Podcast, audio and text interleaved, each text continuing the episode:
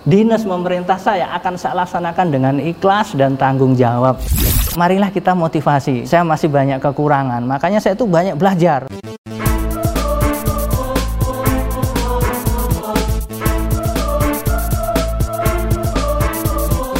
Tentara rakyat, tentara pejuang, tentara nasional, tentara profesional. Salam prajurit, salam merah putih. Welcome back to podcast Puspa TNI. Halo Sobat TNI yang gagah dan penuh dedikasi yang saat ini masih melaksanakan tugas operasi maupun non-operasi. Semoga selalu dalam keadaan sehat dan tetap semangat tentunya. Sobat TNI, baru lihat saya kan? Saya Kartika. Saya menggantikan Mbak Lena, Mbak Vicky, dan Pak Syam. Karena Mbak Lena sedang ada tugas khusus, Mbak Vicky sedang pendidikan, dan Pak Syam sedang ada tugas khusus. Terima kasih masih setia menyaksikan kami pada podcast Puspen TNI. Sobat TNI, telah kita ketahui bersama bahwa menjadi seorang TNI memiliki tugas pokok yaitu melakukan operasi militer perang dan operasi militer selain perang. Nah, tamu kita kali ini agak berbeda karena selain melaksanakan tugasnya sebagai prajurit TNI, beliau juga aktif dalam dunia pendidikan yaitu sebagai dosen ataupun guru. Dan saat ini telah bergabung bersama kami. Beliau adalah Sertu SBA Teguh Ekope SIP SPD MM. Untuk mengetahui lebih lanjut bagaimana tamu kita dapat menjalankan perannya baik sebagai prajurit TNI maupun mengajar sebagai seorang guru, kita berbincang-bincang langsung dengan tamu kita. Halo Bang, apa kabar Bang? Puji syukur kepada Tuhan Yang Maha Esa, hari ini kita masih diberi kesehatan. Bang, bisa nggak sih diceritain sedikit tentang latar belakang kedinasannya Abang? Pada awalnya, saya masuk di Angkatan Laut, korup saya senjata bawah air. Jadi senjata bawah air itu adalah meliputi torpedo, bom laut, demolisi, ranjau, dan peledakan-peledakan yang ada di bawah air. Terus gimana sih Bang? Awalnya abang tuh bisa termotivasi untuk menjadi tenaga pendidik? Saya berdinas di kapal perang. Nah, dari situ saya melihat di daerah-daerah terluar ya, di pulau-pulau terpencil itu masih kekurangan tenaga pendidik dan tenaga medis. Nah, di situlah yang memotivasi saya bagaimana saya harus melanjutkan pendidikan saya agar saya bisa mengabdi untuk membantu kesulitan rakyat di sekeliling kita. Bang, memang latar belakang pendidikan abang itu apa aja sih? Nah, kalau latar pendidikan akademis umum ya, tadi kan saya S1 politik, kemudian S S1 pendidikan, kemudian saya melanjutkan S2 manajemen, magister manajemen. Masih di podcast Puspen TNI. Bang, kalau boleh tahu nih, abang mengajarnya di mana aja sih? SMP 4 Hang Tuah yang di Komplek TNI AL Ciang sana, Bogor. Nah, saya mengajar dari sekolah masih berdiri awal sampai perekrutan sampai ya syukur sekarang udah bagus sekolahnya Hang Tuah. Kemudian saya mengajar di sekolah internasional ya, Golden International School. Jadi di Galaksi Bekasi. Nah, di situ saya mengajar pendidikan nilai-nilai kemanusiaan. Kemudian saya berdinas lagi di Sekolah Kesehatan Angkatan Laut di Minto Harjo, Bendungan Hilir ya. Nah, di samping itu kalau habis ngajar di Hang Tua ataupun di Sekesal, saya sempatkan untuk mengajar di tempat-tempat sekolah lain yang swasta lah. Jadi seperti di bimbel, kursus bahasa Inggris dan sebagainya. Menurut Abang apa sih yang menarik dari profesi seorang guru? Jadi kalau kita berbicara soal guru ya, guru itu pun sebetulnya ada empat atau yang dikenal dengan istilah catur guru. Yang pertama adalah orang tua. Jadi sebetulnya orang tua kita itu adalah guru kita. Yang kedua adalah pemerintahan. Jadi pemerintahan dengan segala aparaturnya itu adalah guru bagi rakyatnya, bagi masyarakatnya, untuk memberi suri tauladan yang baik. Yang ketiga adalah guru akademis atau guru yang mengajar di sekolah. Nah, sedangkan yang keempat adalah guru yang sejati itu adalah Tuhan yang Maha Esa itu sendiri. Bang, kompetensi apa sih yang harus dimiliki oleh seorang guru? Yang kita bahas adalah guru akademis ya. Jadi guru akademis itu harus mempunyai empat kompetensi ya. Yang pertama adalah kompetensi pedagogis. Pedagogis itu artinya mengantarkan anak. Dalam bahasa Jawanya itu kita harus bisa mengemong. Yang kedua adalah kompetensi akademis, kita harus bisa menguasai materi ya materi-materi segala pelajaran sesuai bidangnya itu apa. Yang ketiga adalah kompetensi kepribadian. Jadi kita harus menjadi pribadi yang menyenangkan, harus mempunyai attitude yang baik ya. Kemudian yang keempat adalah kompetensi sosial masyarakat. Jadi di samping yang tadi kita harus bisa komunikasi yang baik ya dengan masyarakat, dengan dengan sesama, kita harus ramah tamah, sopan santun dan sebagainya.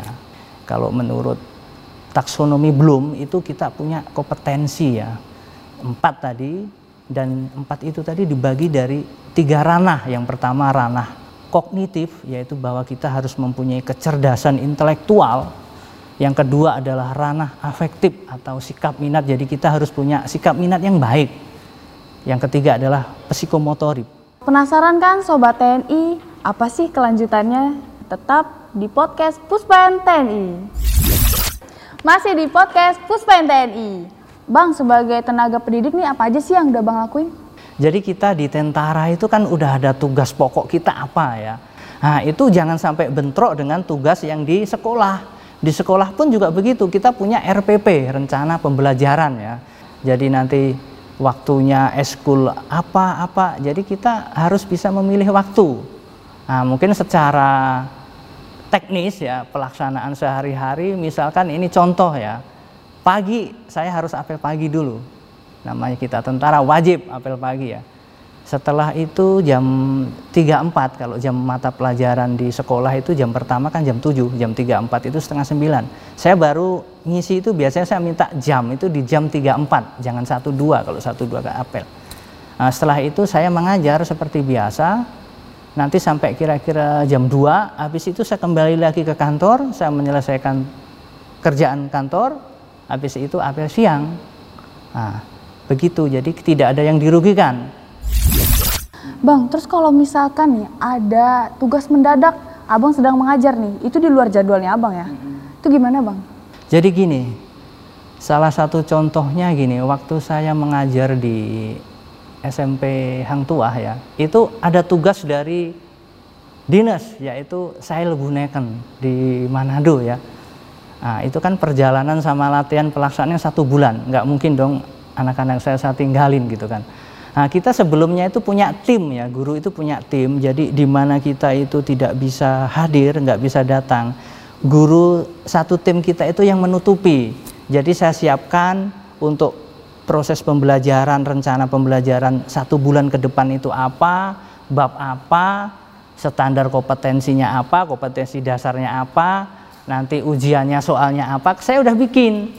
Jadi setelah saya berangkat itu anak-anak tinggal tugasnya apa, jadi nanti saya pulang tinggal saya ngoreksi, saya input data, masukkan ke komputer, udah. Jadi nggak ada yang tertinggal. Hmm, baik bang, berarti sudah tercover ya bang ya semuanya. Tercover. Ya? Gimana nih bang responnya dari atasannya abang nih? Kalau misalkan abang ada jadwal mengajar di luar jam dinas, di luar satuannya abang nih, kayak freelance gitu, gimana sih bang? Jadi gini ya, kalau mengajar di sekolah tentara ya seperti di Sekesal, di ini biasa jam dinas. Tapi kalau untuk mengajar di luar jam dinas hari Sabtu Minggu itu saya biasanya untuk mengajar di kampus-kampus. Jadi kampus-kampus itu kan sekarang banyak yang kelas karyawan ya, kelas ekstensi ya. Jadi saya mengajar kelas hari Sabtu Minggu atau enggak kelajar malam. Jadi saya kadang-kadang pulang dinas itu jam 5, saya mengambil jam di kampus itu setengah 7 sampai setengah 10 malam untuk mengajar kalau hari dinas. Kalau ada kepentingan yang mendadak dari dinas atau tugas luar, ya itu tadi kita di kampus pun dosen-dosen juga ada tim. Jadi kalau misalkan kita nggak bisa hadir, kita siapkan materinya, nanti kita mengganti untuk mengisi berikutnya atau kalau nggak kita tukeran jadwal. Ya pas kita naik piket atau apa kita tukeran jadwal. Suatu saat teman kita yang menggantikan kita ada keperluan kita juga harus menolong. Intinya kita harus tetap solid dan kompak. Uh, bagaimana sih kalau misalkan nih abang dia apa ada perintah mengajar? Kan berarti ada sprint nih bang? Ada. Nah gimana kalau nggak ada sprintnya bang? Ya selama ini saya melaksanakan tugas itu atas dasar perintah ya. Tapi kalau dinas pemerintah saya akan saya laksanakan dengan ikhlas dan tanggung jawab ya. Jadi seperti waktu saya dinas di Kalimantan Barat itu saya organik diberikan sprint untuk penugasan di beberapa sekolah dan kampus ya. Baik yang di kota maupun di daerah pedalaman. Nah, teknisnya ya kita harus tadi manajemen waktu, manajemen lokasi, kira-kira kita pas tugas di mana. Kalau kita misalkan di daerah perbatasan ya kita ditempatkan di sekolah-sekolah perbatasan. Kalau kita di kota ya ditempatkan di sekolah kota. Intinya kita itu akan membantu dan menghandle segala kekurangan ya untuk mengisi tenaga pendidikan. Kalau yang di luar dinas ya di luar sprint kalau hari Sabtu Minggu dan di luar jam kerja kan kita kita bebas ya yang penting kita nggak nggak mengganggu dinas jadi tanpa sprint pun nggak nggak nggak masalah. Tapi kalau jam dinas memang harus ada sprint. Kalau misalnya abang sedang mengajar nih apa sih bang kendalanya? Ya kalau kendalanya cara umum sih nggak ada. Namanya seorang guru itu apa pun resiko apa pun itu kita harus hadapi ya. Cuma mungkin untuk seperti sekarang ini misalkan kita pembelajaran jarak jauh ya ya terus terang ya. Kendalanya mungkin perangkatnya ya atau sarana prasaranya. Jadi mungkin masalah kuotanya, masalah paket datanya apa dan sebagainya. Jadi kita sebetulnya kalau didukung dengan perangkat-perangkat yang memadai itu kita juga ada lebih lebih bagus gitu loh. Sama seperti kita waktu mengajar di daerah terpencil, di daerah tertinggal, di sana mungkin sarana prasarannya kurang. Sehingga kesadaran masyarakat untuk mengenyam dunia pendidikan itu masih masih kecil ya. Jadi mungkin kalau ke depan kalau sarana prasaranya ditingkatkan, kita juga lebih bagus. Jadi mungkin kita mau sekolah harus nyebrang naik perahu dulu kan. Kalau ada jembatannya kan lebih cepat atau mungkin mau belajar komputer komputernya nggak ada gitu kan jadi mungkin ya itu tadi sarana prasarana sama ini ya kemampuan skill ya untuk kita tingkatkan. Mungkin itu ya. Bang, abang tuh mengenyam pendidikan itu di dalam negeri kah atau di luar negeri kah? Saya masih banyak kekurangan, makanya saya tuh banyak belajar. Dan saya selalu apa ya minta arahan masukan dari senior senior termasuk junior pun kalau memang itu masukan bagus saya harus belajar sama junior gak masalah. Jadi kalau pendidikan-pendidikan di dinas ya yang sudah saya alami yaitu pendidikan sekolah menyelam ya habis itu sekolah montir sekolah internet terus pendidikan dasar intelijen terus habis itu pendidikan pembina rohani terus habis itu pendidikan jurnalistik kan di Puspen ini orang penerangan harus punya kemampuan jurnalistik. Nah, kalau di luar negeri itu waktu penugasan ya saya di Libanon, jadi saya menjadi wakil dari negara Indonesia untuk belajar di headquarter. Jadi kalau di sana mabes ya. Jadi di sana pun ada pendidikan. Kalau kita keadaan aman, tidak ada perang, kita terus pendidikan. Salah satunya yang saya ikuti adalah uh, induction training fuel management system. Jadi di sana itu masalah fuel ya bahan bakar itu diatur atau di di manajemen dengan sistem komputerisasi ya. Jadi yang begitu canggih untuk menghindari kecurangan-kecurangan dan penggelapan. Abang mendapat kesempatan juga dong untuk memperkenalkan budaya Indonesia. Jadi kita itu kalau nggak perang, nggak menjaga perdamaian, tugas kita itu memperkenalkan misi budaya. Kita ada kegiatan simik ya. Simik itu kayak di sini kayak Civilian Military Corporation. Jadi kayak TMMD lah, ABRI masuk desa gitu kan. Lah itu kita memberikan pelajaran sama anak-anak sekolah sana. Yang kedua memberikan pelajaran kebudayaan, memperkenalkan. Yang ketiga memberikan pelayanan kesehatan Nah, salah satu contohnya yang pernah kita lakukan yaitu kita sebagai pelatih tari kecak. Ya, jadi saat kegiatan mungkin ada event medal perit atau apa, kita pentas di sana. Atau kadang di Indonesian Embassy di Beirut ya, kita pentas dan rupanya ternyata orang-orang luar negeri itu pada kagum Indonesia itu tidak hanya pinter perang, tapi bisa menari. Termasuk Wan TNI-nya juga luar biasa jadi Wan TNI nggak hanya perang aja, tapi ada yang kesehatan, dokter, ada sebagainya, dan pinter-pinter menyanyi, pinter-pinter menari, dan wah itu suatu kebanggaan sekali ya. Ternyata pasukan Garuda itu luar biasa.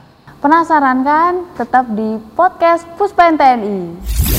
Boleh dong bang, sharing sedikit buat sobat TNI, apa sih pesan dan kesannya abang? Bagi rekan-rekan prajurit TNI, mari kita bersama-sama kita belajar kita tidak ada gunanya kita mengeluh, menuntut atau nyesel nggak ada. Kita sudah terlanjur, kita sudah menjadi TNI. Makanya apa pun resikonya, apa pun keadaannya, kita harus selalu bersyukur.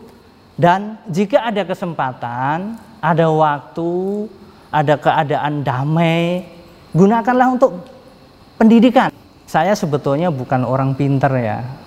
Saya juga masih belajar Cuma ada kemauan aja, di mana ada kemauan, di mana ada kesempatan, marilah kita gunakan waktu itu dengan baik ya, isi kesempatan dengan baik apa pun keadaan kita. Terima kasih Bang atas obrolan kita hari ini. Semoga apa yang sudah kita bahas dapat menambah motivasi bagi sobat TNI ya Bang. Ya, saya juga mengucapkan terima kasih. Saya mohon maaf kalau ada kata-kata yang kurang berkenan. Intinya tidak ada maksud untuk menggurui siapa pun. Mari kita berusaha untuk menjadi lebih baik. Don't forget to like, comment, share, and subscribe pada channel YouTube Puspen TNI. Sekian dari kami, sampai bertemu pada episode selanjutnya. Sampai jumpa, salam merah putih.